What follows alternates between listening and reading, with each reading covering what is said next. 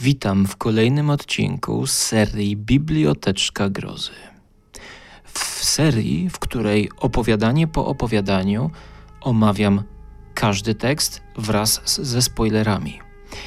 To już drugi tom opowiadań Artura Conan Doyle'a, jakim uraczyło nas toruńskie wydawnictwo. Jednak chciałbym ostrzec słuchaczy, gdyż przez pierwsze 20 minut dźwięk jest kiepski – dlatego że zaskoczyły mnie warunki pogodowe. Nagrywałem to w sierpniu i to w samym środku lasu, na działce. I zastosowałem ustawienia, jakich zwykle używam do dyktafonu, którego używam do nagrywania.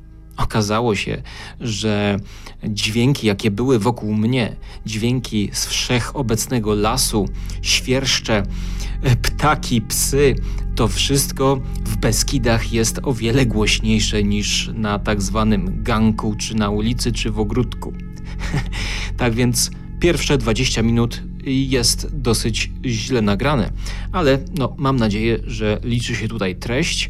Potem już jakby nagrywałem to na przestrzeni prawie pół roku, więc zapraszam serdecznie, bo jest to zacne wydanie.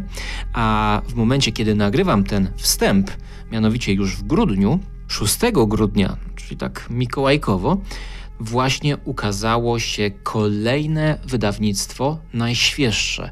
Dzwon we mgle, autorki w ogóle o niej wcześniej nie słyszałem, Gertrude Atherton, e, liczący 100 stron, niecałe 100 stron, więc przeczytam to błyskawicznie.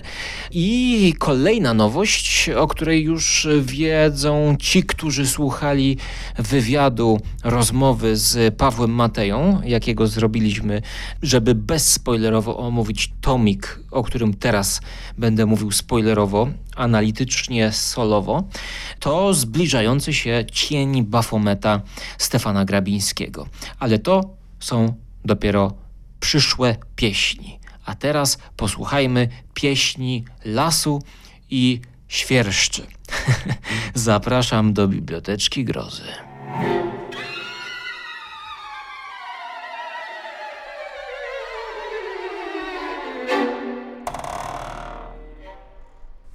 Witam wszystkich w kolejnym wydaniu Biblioteczki Grozy. Dzisiaj Spotykamy się po raz kolejny z Arturem Conan Doylem i najnowszym tomem, przynajmniej kiedy to nagrywam, a nagrywam to dokładnie 30 sierpnia 2020 roku. Książka pod tytułem Igranie z duchami. Wydawnictwo CIT serwuje drugi już tom opowiadań twórcy Sherlocka Holmesa. Po tomie pod tytułem Dziwne zjawiska nadszedł czas na 13 nowych opowiadań, kolejnych właściwie opowiadań twórcy psa Baskervillów. Zaczynamy audycję, gdzie opowiadanie po opowiadaniu będę opowiadał i streszczał i gdzie trzeba to spoilerował. Zaczynamy od kotliny sennej kotliny, a właściwie od tajemnicy doliny Sasassa. Taki tytuł ma pierwsza historia, a pomyliłem się nie bez kozery, bo jeśli chodzi o kotlinę, to kupiłem też ostatnio przez Allegro Washington Irving, zbiór opowiadań, wydana książka z 66 roku. Jest to coś dla dzieci. Jest to ilustrowane przez J.M. Szancera, wydawnictwo Nasza Księgarnia i to jest zbiór pod tytułem Rip Van Winkle i inne opowiadania. Klasyka prozy amerykańskiej i dostałem zawału, gdyż wiatr otworzył drzwi balkonowe, drzwi na taras, na którym to tarasie właśnie siedzę. I nie chodzi tutaj o tytułowe opowiadanie, ale o legendę o sennej kotlinie, która to jest opowiadaniem gotyckim, bardzo wiążącym się z opowieścią Strauba, z upiorną opowieścią Petera Strauba. i tytuł jest podobny do pierwszej Tajemnica Doliny Sasassa. Washington Irving jeszcze będzie się z nami spotykał w, tej, w Bibliotece Grozy, mimo że nie został wydany przez CIT.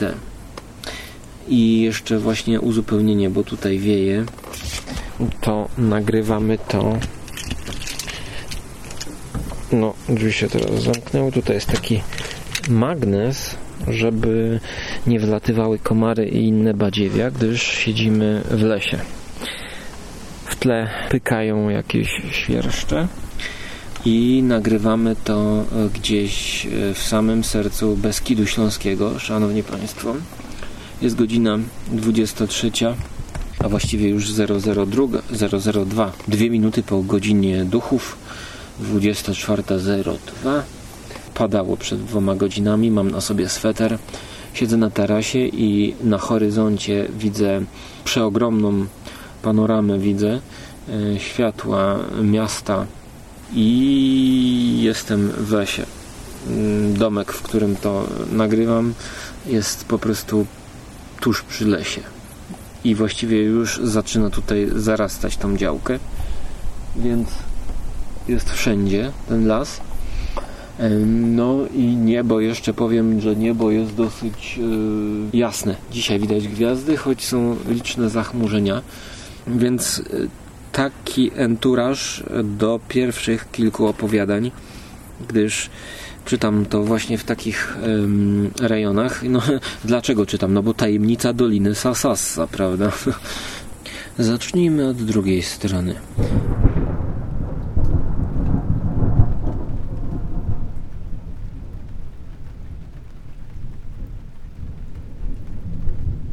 Opowiadanie rozpoczynające ten tom wydaje się mieć genezę w takiej sytuacji można by to powiedzieć, wakacyjno-piknikowej, kiedy wraz ze znajomymi siedzimy na tarasie. Podejrzewam, że Arthur Conan Doyle też w taki sposób mógł wpaść właśnie na ten tekst, na, ten, na tę przewrotkę, która tutaj jest w tym tekście. Siedzimy, jest zmierzch, gadamy sobie, rozmawiamy i widzimy pejzaż, który znamy y, za dnia ten sam pejzaż. I teraz tak patrzę, patrzę, no jest mnóstwo świateł. Natomiast jeśli chodzi o bliskie rejony, no to tutaj jest dosyć ciemno. Ja mniej więcej na oko mogę powiedzieć, gdzie kto jest i gdzie jest jakiś dom. I teraz, gdybym zobaczył światło w jakimś miejscu dziwnym, światło, które nie jest samochodem, które się nie porusza tak jak auto i świeci powiedzmy podwójnie, czy motor, światło, które nie jest jakimś pożarem, to bym się zaczął zastanawiać, co to za światełko.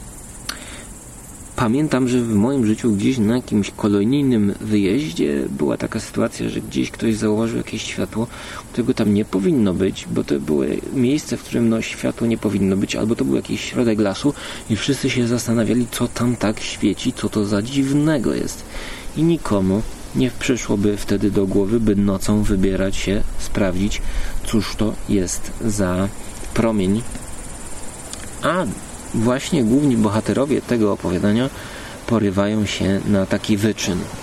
E, I teraz e, tutaj mamy narratora, który opowiada, dlaczego jego właśnie kompan, Tom, e, jest nazywany Tomem Szczęściarzem. Oni sobie siedzą tam, próbują jakoś uporać się z biznesem, z, z życiem, zarobić coś na życie, żeby, żeby było co wrzucić do pieca, coś zjeść. Przychodzi do nich Dick Wharton, jeden z jakichś tam ich znajomych w mieście powszechnie szanowany i pytają go, dlaczego nikt nie chce wejść do tej tytułowej doliny Sasassa w nocy dodatkowo.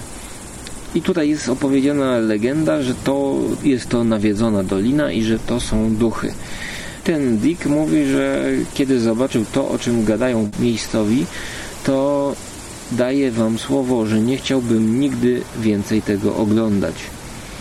Oni go dopytują, żartujesz sobie z nas, opowiedz nam o tym, najpierw o tych przesądach, a potem o swojej przygodzie. I tutaj Co do przesądów, odpowiada ten szanowany obywatel, to wśród czarnych od dawna się mówi, że dolina jest nawiedzona i że zamieszkuje ją przerażający demon.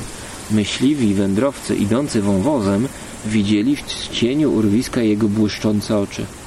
Wieść niesie, że na kogo padnie wzrok potwora, nie zazna po śmierci spokoju za sprawą jego złowrogich mocy. I mamy opowieść, że on zaczął schodzić do, do doliny, szukając e, jakiejś krowy i w połowie się zatrzymał i zobaczył światło. Sto yardów ode mnie majaczyło upiorne, migotliwe światło. Czasami zdawało się przygasać, a potem rozbłyskało z nową siłą. Nie, to nie był żaden rój robaczków świętojańskich. Tamto światło po prostu płonęło, a ja przez jakieś dziesięć minut wpatrywałem się w nie, drżąc na całym ciele. Ledwie zrobiłem krok naprzód, zniknęło, jakby ktoś zdmuchnął świeczkę, więc pośpiesznie się cofnąłem.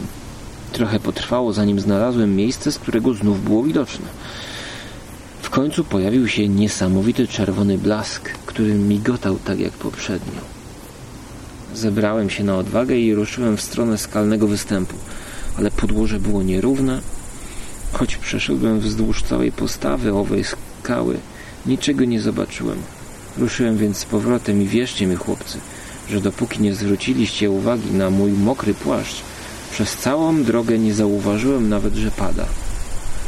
Ale, ale, no i tutaj już koniec tej historii.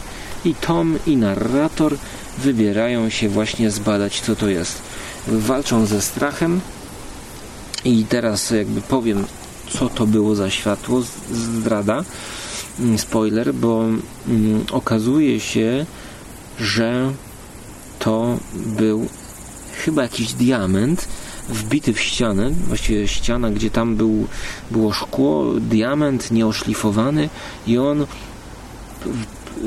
pod wpływem odpowiedniego kątu oświetlenia słońcem, zachodzącego słońca, właśnie tak się świecił i jarzył, odbijał to światło. I oni chcieli się wzbogacić i wyciągnąć ten diament. I wszyscy bali się udać do tej kotliny i odnaleźć ten diament, bo on, już nie pamiętam czemu, świecił tylko w nocy. I właśnie para głównych bohaterów chyba się wzbogaciła. Weszli w posiadanie cennego klejnotu. Główna przewrotka fabularna jest znacząca, Zdradzam Wam to z tego powodu, że w trzecim opowiadaniu pod tytułem Duch z Goresthorpe Grange. Oryginalnie to jest Selecting a Ghost The Ghost of Goresthorpe Grange. Goresthorpe to jest nazwa własna, która łączy w sobie słowa gore, właściwie gorest, forest, gore, najbardziej gore Sthorpe, Goresthorpe Grange. Opowiadanie ma cechy wspólne z pierwszym. Duch z Goresthorpe Grange to opowieść o mężczyźnie, którego fascynują opowiadania grozy. I tutaj ponownie wrócę do przywołanego na początku Washington Irvinga i jego legendzie o sennej kotlinie, gdyż tam właśnie głównym bohaterem jest Ichabod Crane. Można by powiedzieć dzisiejszym nazewnictwem geek. Geek w dodatku horrorowy. W legendzie o sennej kotlinie, kotlinie ten główny nauczyciel jest fanem opowieści z dreszczykiem. Lubi czytać i no, właśnie legendę o sennej kotlinie zacząłem czytać. Zarówno u Doyla, jak i Irvinga mamy pokazanego takiego gika, który robi wszystko, i żeby przysporzyć sobie dreszczyku emocji. Oni wszyscy czytają namiętnie opowieści z dreszczykiem, a główny bohater u Conan Doyle'a chce kupić sobie ducha do swojej posiadłości. Otóż ów narrator, bogaty człowiek, kupił sobie rezydencję feudalną może najpierw przyjrzyjmy się, jak twórca Sherlocka Holmesa opisuje horrorowego geeka. Każdy człowiek o staromodnych upodobaniach, pragnący prowadzić dom wedle tradycyjnych zasad, byłby rozczarowany tym brakiem.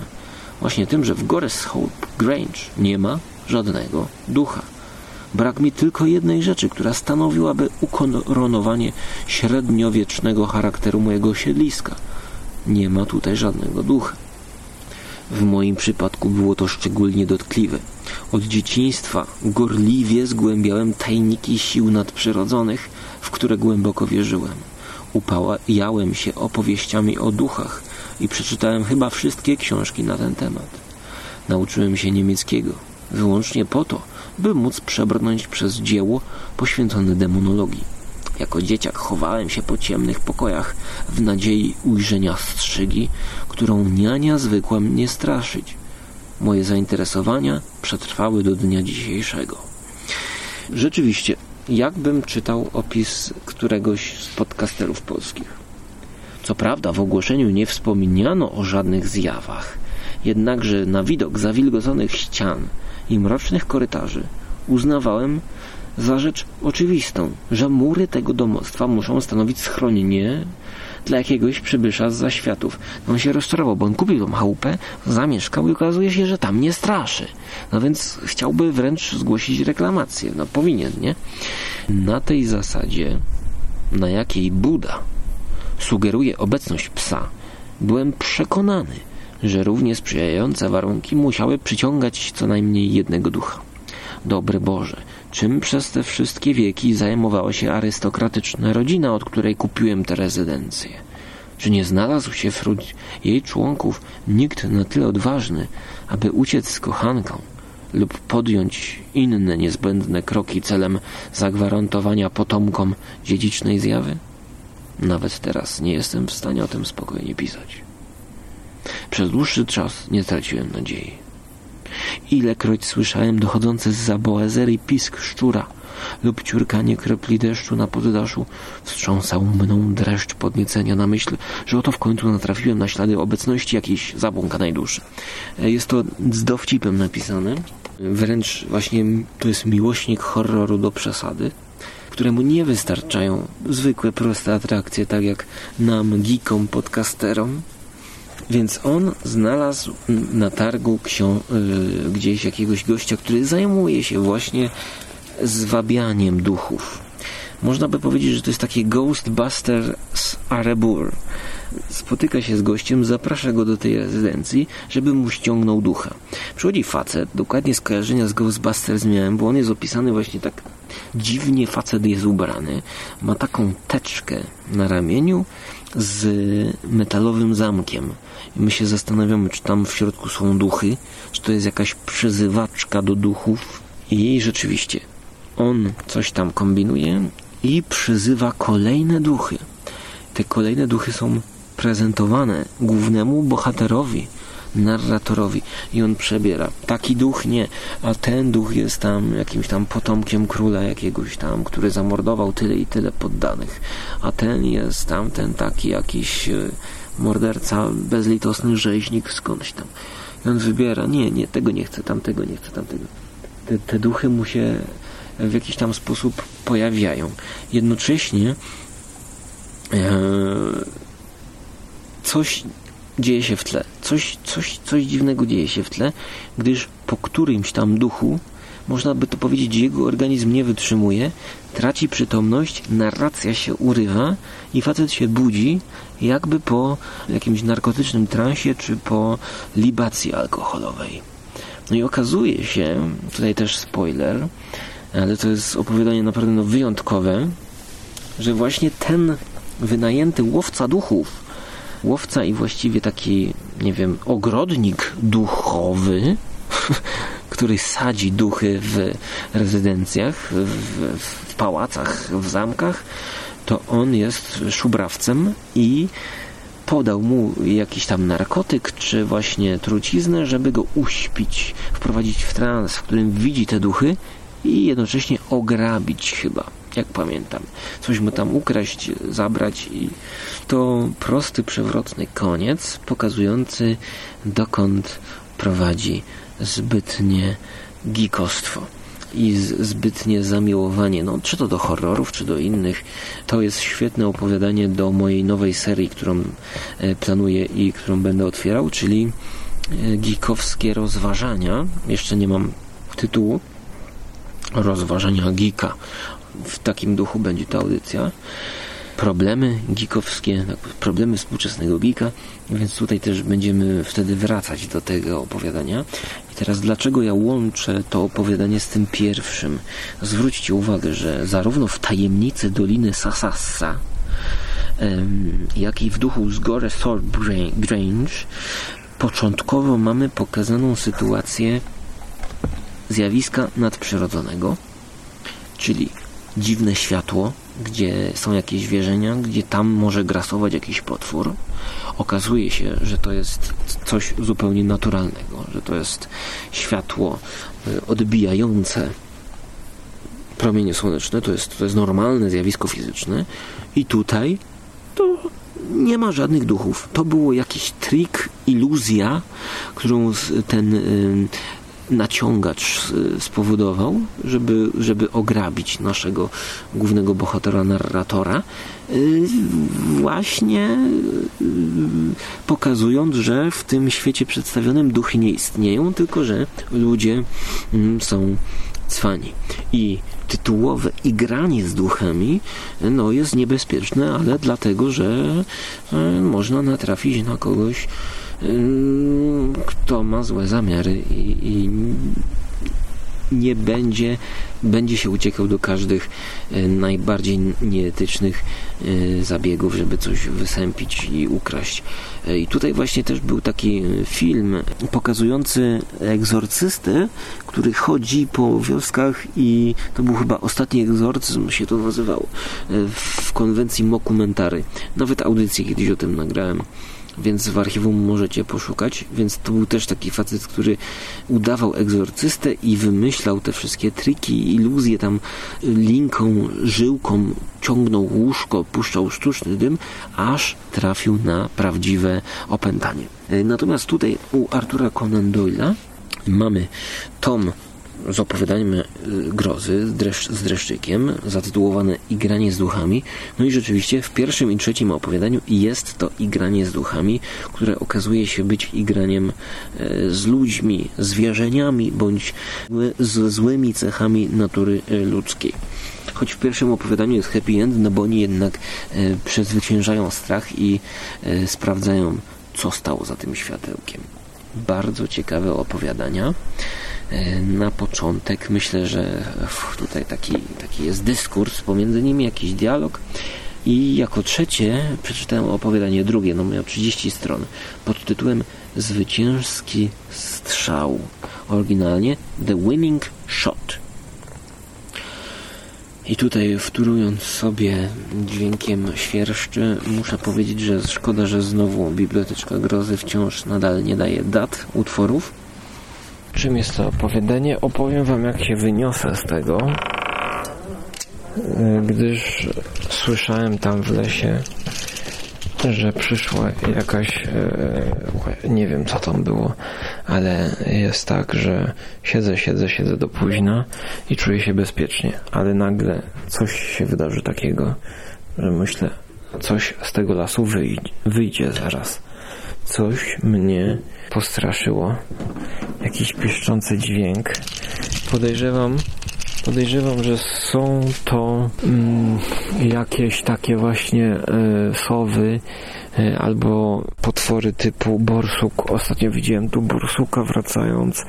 No i są tu jelenie, dziki są i no, różne robaki, no, pająków dwóch to jest tutaj na tarasie i cały czas tkają sieci, bo wiatr mocny jest, to im to zmiata, one więc pracują, pracują, ale okazało się, i tutaj od sąsiadki usłyszałem informację i od miejscowych, że e, przyszły wilki i to jest fakt, gdyż tutaj takiemu rolnikowi, który i od którego kupujemy mleko czasami, jajka i ser biały, to potwierdził to.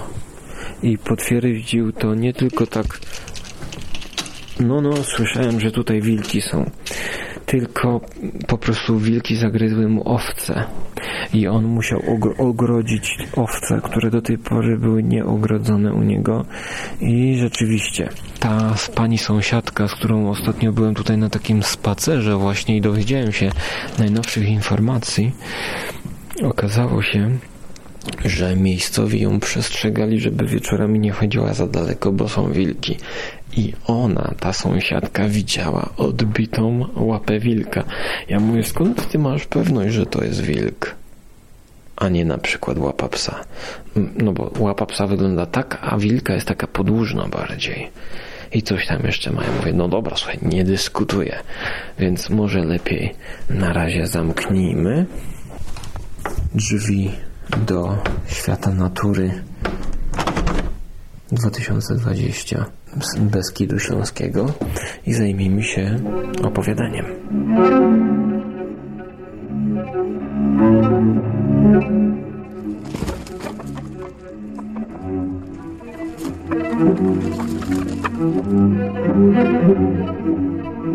Witam w kolejnej wstawce o kolejnych opowiadaniach Artura Conan Doyle'a z tomu Igranie z duchami.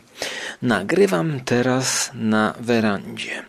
Wieczorem, w nocy, właściwie północ. Kolejny raz mówię do Was w godzinie duchów, 22 minuty po północy. Wróciłem właśnie z Beskidu Śląskiego, gdzie czytałem jakże znaczące opowiadanie alpejska zgroza, nie groza, tylko zgroza, a także srebrny topór, The Silver Hatchet. Myślałem, żeby nagrywać tam, jednak tam wolałem czytać e, i, i teraz z werandy opowiem Wam z tak ładnego ganku, kiedy pada deszcz. Jest atmosfera iście horrorowa. Robi się coraz chłodniej. Nagrywam to 1 września 2020 roku. The Silver Hatchet to w skrócie rzecz o tajemniczym przedmiocie. Tytułowy topór jest powodem szaleństwa. Szaleństwa tego, kto się go dotknie.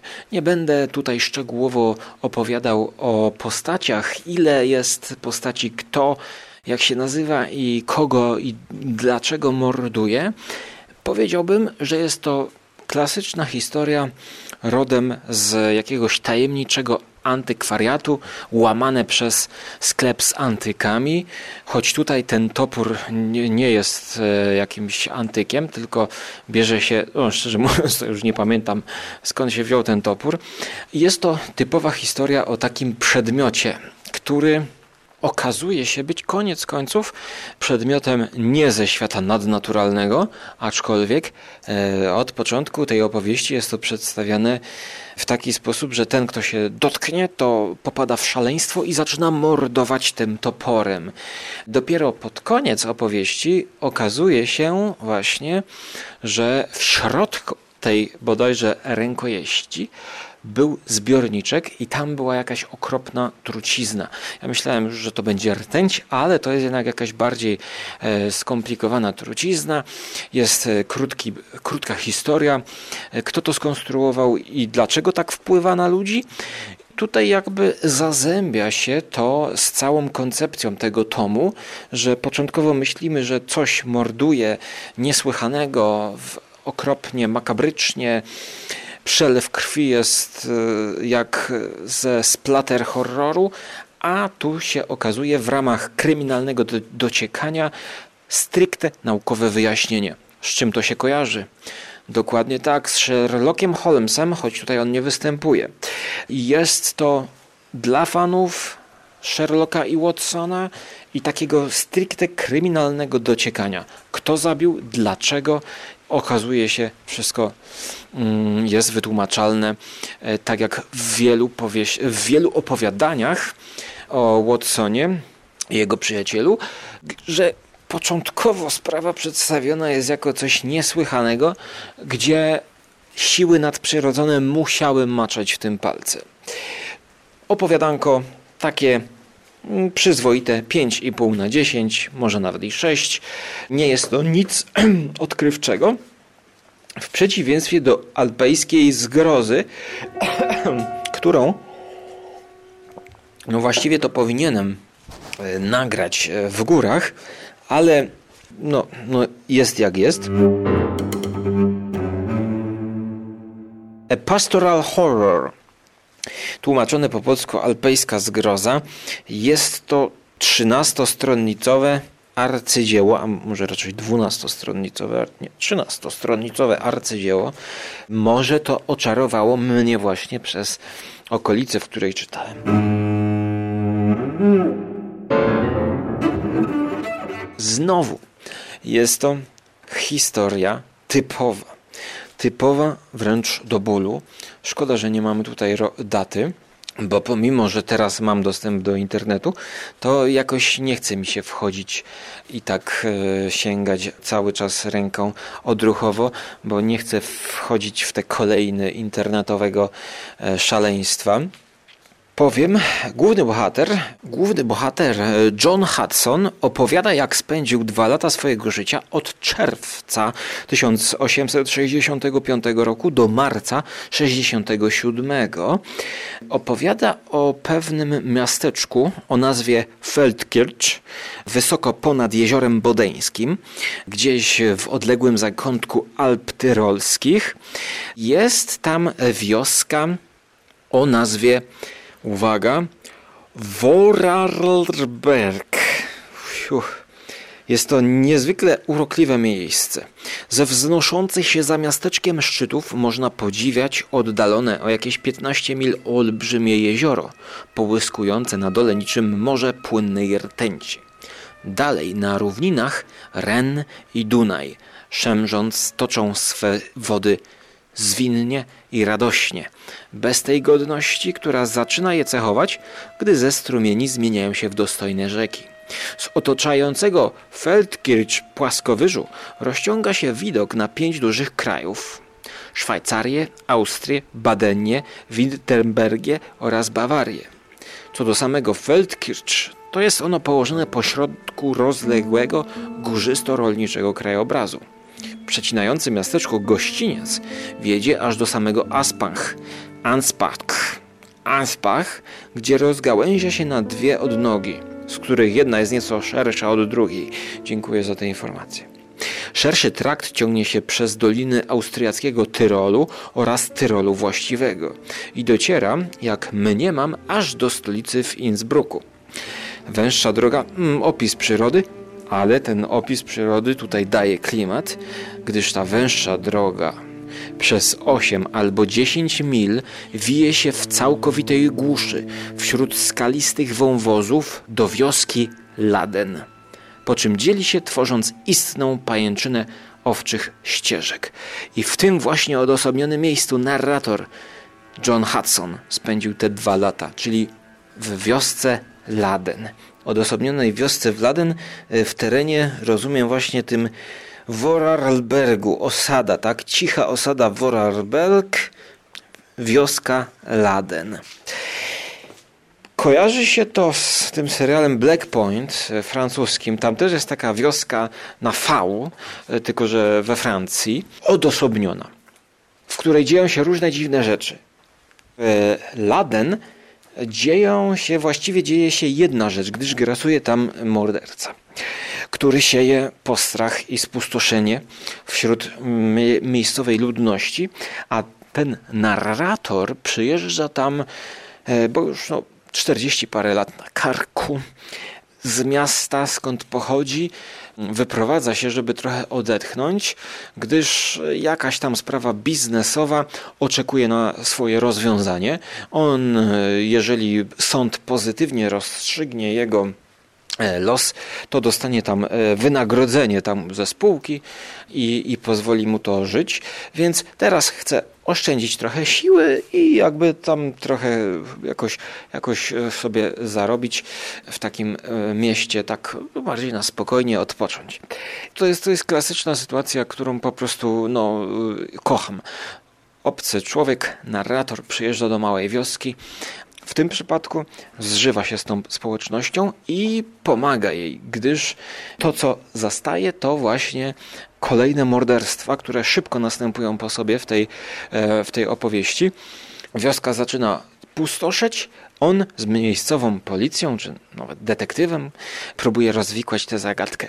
Jest to niezwykle prościutki tekst, ale przez powiedziałbym sam sposób napisania, czyli przez opisy przyrody i niezwykłą obrazowość, pomimo, że nie jest to odkrywcze zaskoczenie i nie jest tutaj odkrywczy twist, kto był mordercą, to czyta się to wspaniale, szanowni państwo, wspaniale. To mogłoby być kolejny raz, to powiem, opowiadanie e, z kart powieści Sherlocka Holmesa. I tutaj to powiedziałbym jest stricte typowy kryminał. Nie ma żadnego e, elementu nadnaturalnego, a ta alpejska zgroza, e, no to jest, e, tutaj wskazuje na niezwykle brutalne morderstwa. Niezwykle krwawie to wszystko wygląda i właściwie zobaczcie, już Arthur Conan Doyle w tym dawnym którymś roku na pewno, zanim powstały te wszystkie seriale typu właśnie Black Point, typu Miasteczko Twin Peaks, no też był brutalny mord, chociaż Lynch nie kładł nacisku na to, żeby pokazać y, to, to ciało Lory Palmer y, rozczłonkowane. Ale w wielu serialach właśnie True Detective też, jak w jakimś małym miasteczku pojawia się morderstwo, to rzeczywiście to morderstwo musi być malownicze. Ręka, noga, mózg na ścianie. I właśnie już e, dawien dawno e, twórca Sherlocka Holmesa wpadł na taki pomysł, że jeżeli to będzie krwawe, to zasada kontrastu spokojnej wiejskiej wsi z pięknymi terenami dookoła zadziała na wyobraźnię i będzie to dla nas pociągające. Zadajemy sobie pytanie, jak w takim pięknym miejscu mogą się dziać takie straszne rzeczy. Pomimo, że jest to najmniej zaskakujące opowiadanie z całego tomu, to te obrazy, które wykreował Doyle, w mojej głowie chyba pozostaną na długo. I jeszcze ten epilog. W tym krótkim tekście facet zawarł ten epilog, że sprawa jest już rozwiązana i zarówno sprawa finansowa tego narratora też jest rozwiązana, dostaje te pieniądze, które miał dostać, zupełne tło. Gdzieś wrzucone taka, taka geneza y, tego narratora, skąd on się wziął i dlaczego teraz ma pieniądze, żeby znowu wrócić i dosłownie w ostatnich zdaniach jest to na, na, naszkicowane, że pomimo, że tutaj miały miejsce takie straszne wydarzenia, to on wraca, bo polubił to miejsce, tych ludzi, po prostu po to, żeby z miejscowymi sobie powspominać te dawne czasy. Nawet y, pokuszę się o zacytowanie tutaj. Nie będę spoilerował, kto zabił, y, bo może ktoś jednak y, słucha ze spoilerami, a tutaj to, to może być pewnym malutkim zaskoczeniem. Ale posłuchajcie na zakończenie mojej tej wstawki, deszczowej wstawki z werandy, posłuchajcie, jaki, jaki jest ten epilog jeszcze, jaki, jaki podbudowuje klimat, bo zawsze, zawsze Edgar Allan Poe robił piękne wstępy i, i to zawsze wstępy zapadały w pamięć. Nie pamiętam zakończeń e, u Poego. Muszę, muszę, musiałbym teraz to zgłębić, bo, bo właśnie to zakończenie dało mi taką myśl, że to jest zakończenie, które ja zapamiętam ze względu właśnie na osobę narratora, który na początku, jak czytamy, zawsze zadajemy sobie pytanie w, przypadku opowieści z dreszczykiem, czy to jest narrator wiarygodny? Czy będzie szalony? Czy wierzyć mu? Czy może patrzeć tak trochę z przymrużeniem oka na to, co pisze? A po całej tej y, intrydze my już wiemy, jaki to jest narrator. No, no posłuchajmy. Po kilku miesiącach od aresztowań opuściłem Laden. Otrzymałem bowiem od swoich prawników dobrą wiadomość. Należna mi kwota została wypłacona w całości. Pomimo tragicznych wydarzeń, jakich byłem świadkiem, tyrolska wioska zapisała mi się miło w mojej pamięci. Więc podczas kolejnych dwóch wizyt odnowiłem znajomość z burmistrzem, naczelnikiem policji i resztą dawnych przyjaciół. Przy tej okazji, z ponurą satysfakcją i zapartym tchem, pykając fajki, rozprawialiśmy nad kuflami piwa o niecodziennych wydarzeniach, do których doszło w owych straszliwych miesiącach w cichej osadzie w Vorarlbergu. Pokaleczyłem język, a myślę, że właśnie tam gdzieś w Alpach w Tyrolu mogli pić naprawdę dobre piwo.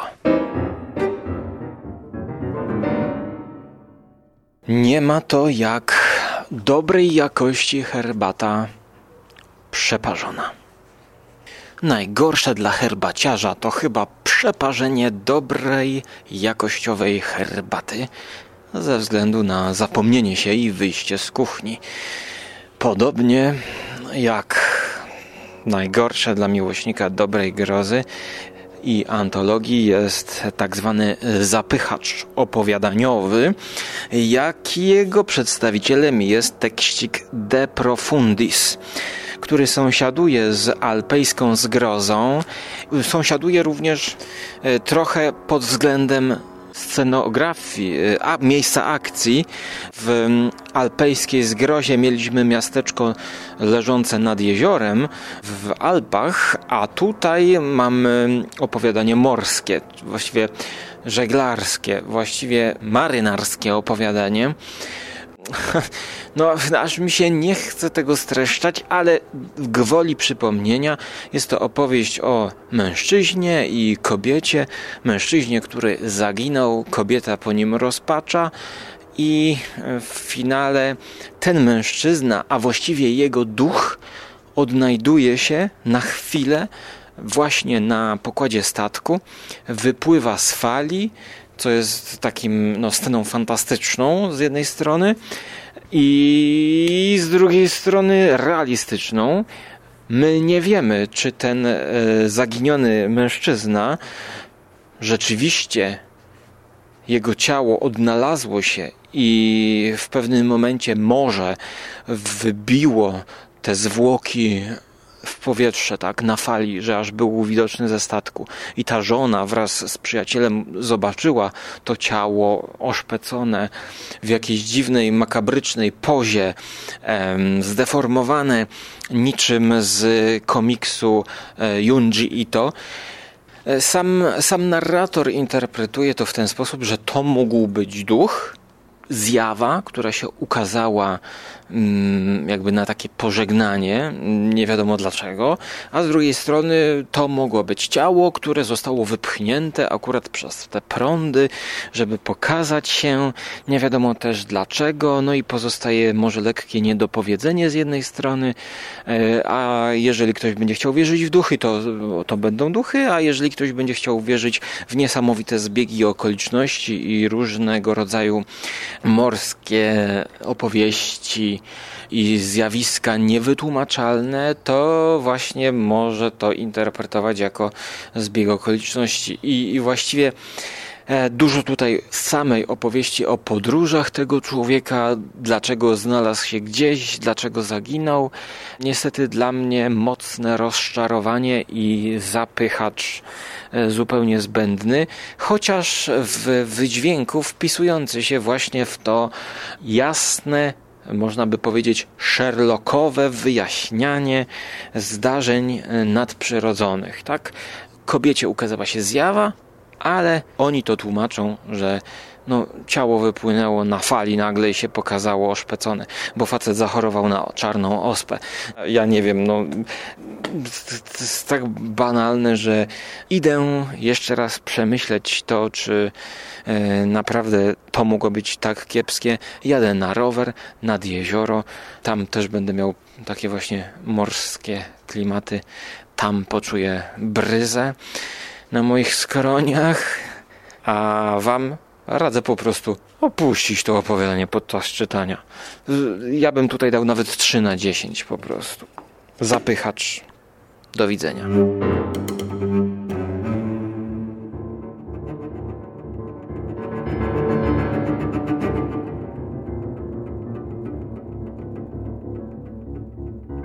The Winning Shot to kolejne opowiadanie, które dla Was recenzuję troszkę w zmienionej kolejności, gdyż ono jest drugie w tomie, e, czyli Zwycięski Strzał.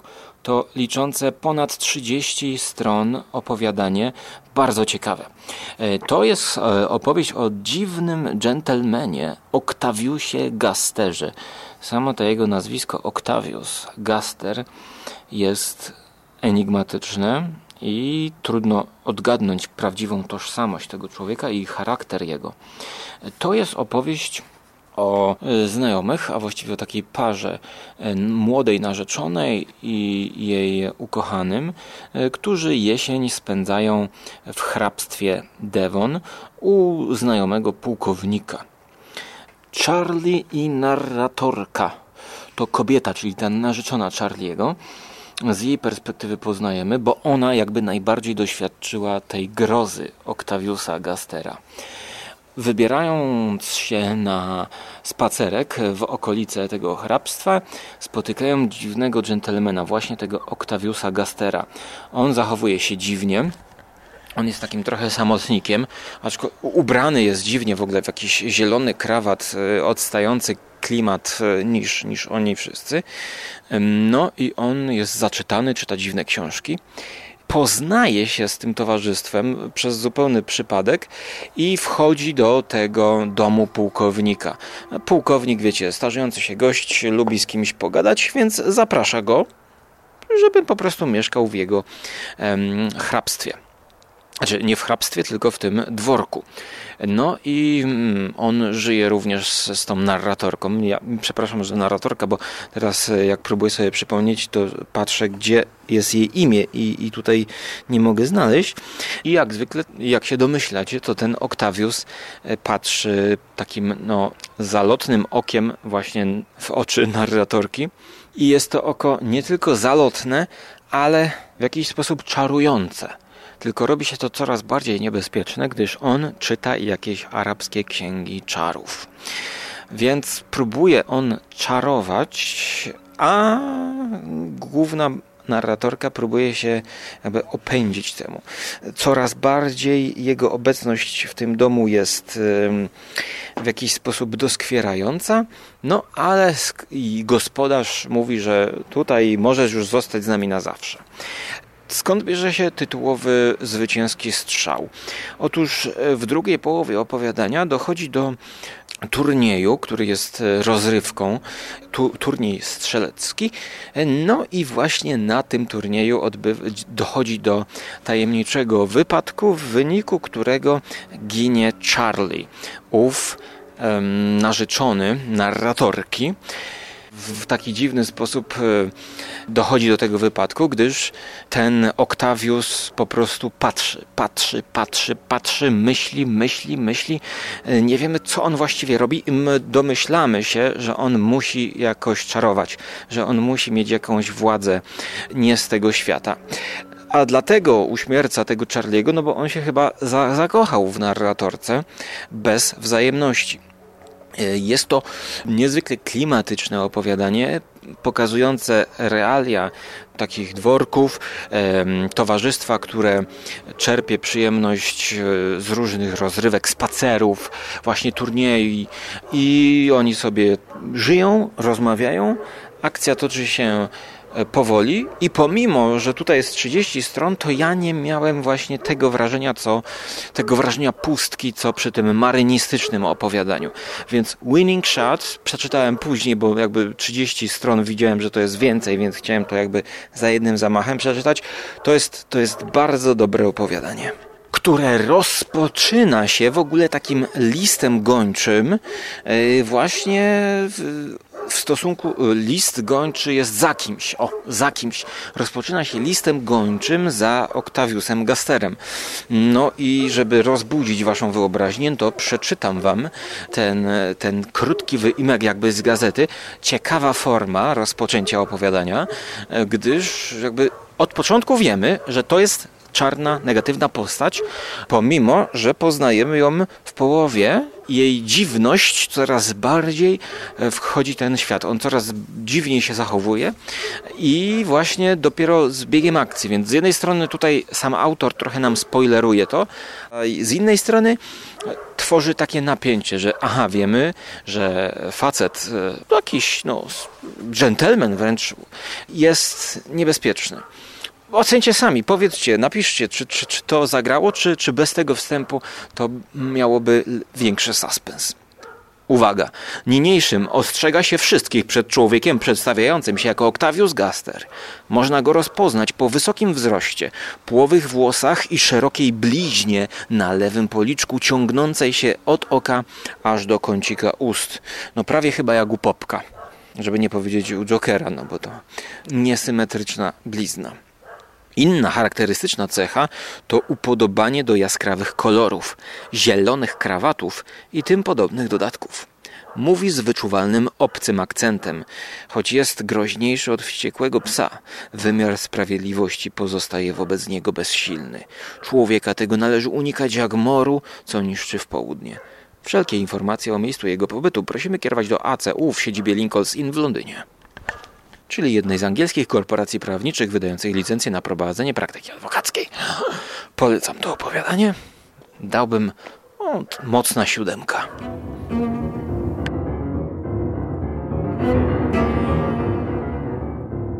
Jest to ciekawy, czarny charakter pokazany i tutaj dobrze pamiętałem, że właśnie w pewnym momencie on wręcz wyznaje miłość narratorce. No i wiemy już w tym momencie, że będą nim targały mm, tutaj namiętności e, największe i będzie próbował zrobić wszystko, żeby w jakiś sposób e, ją zdobyć. Mm, oczywiście musi być scena w altance, w tych dobrych brytyjskich y, filmach i opowieściach zawsze altanka robi klimat. I tutaj kobieta siedzi w altance i zjawia się Gaster i chce ją poderwać. Gaster jest starszy od Charleya i chce mm, w, tym, w ten sposób jakby przehandlować swoje wyższe predyspozycje do lepszego kochanka. I e, właśnie no, w, połowie jakby ta postać zrywa wszelkie hamulce i wprost krytykuje tego Charleya, mówiąc tak. Panie Gaster, zapomina się pan, Charlie, Charlie, nic tylko Charlie, ciągnął Szwed, nie zwracając uwagi na moje słowa. Aha, to jest Szwed nawet. Owszem, widziałem go. Powiedziałem ci, że czekasz na brzegu rzeki, żeby móc cię zobaczyć i pogawędzić sam na sam. Kochasz go zatem? Czyż obietnica chwały, bogactw i potęgi większych niż umysł człowieka może sobie wyobrazić, nie zdołać i wybić z głowy tego pensjonarskiego zadłużenia? Ucieknijmy, ucieknijmy razem, Charlotte, a wszystko, o czym mówię, będzie twoje. Chodź, Charlotte jest to imię głównej bohaterki, teraz sobie dowiedziałem, i wyciągnął do mnie w błagalnym geście swoje długie ramiona.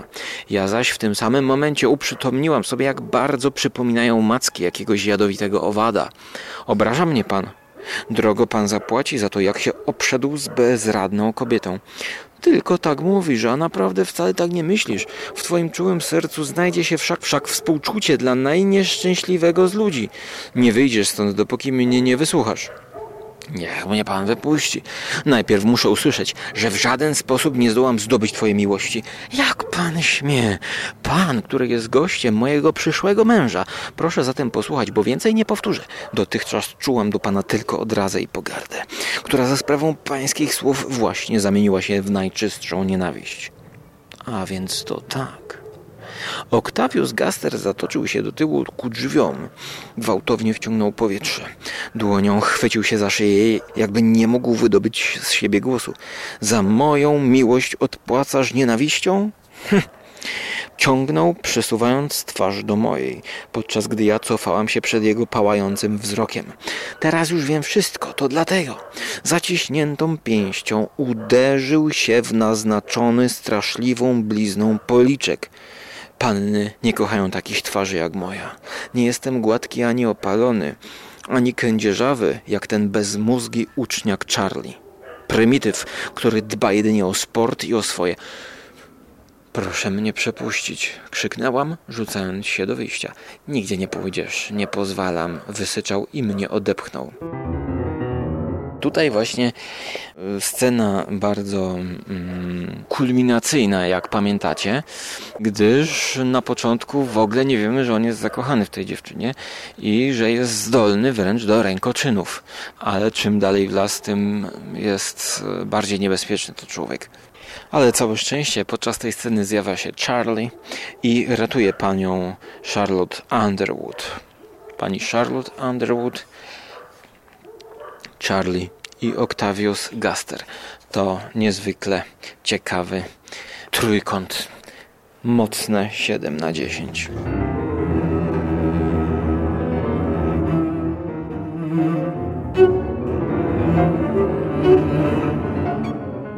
Koniec części pierwszej.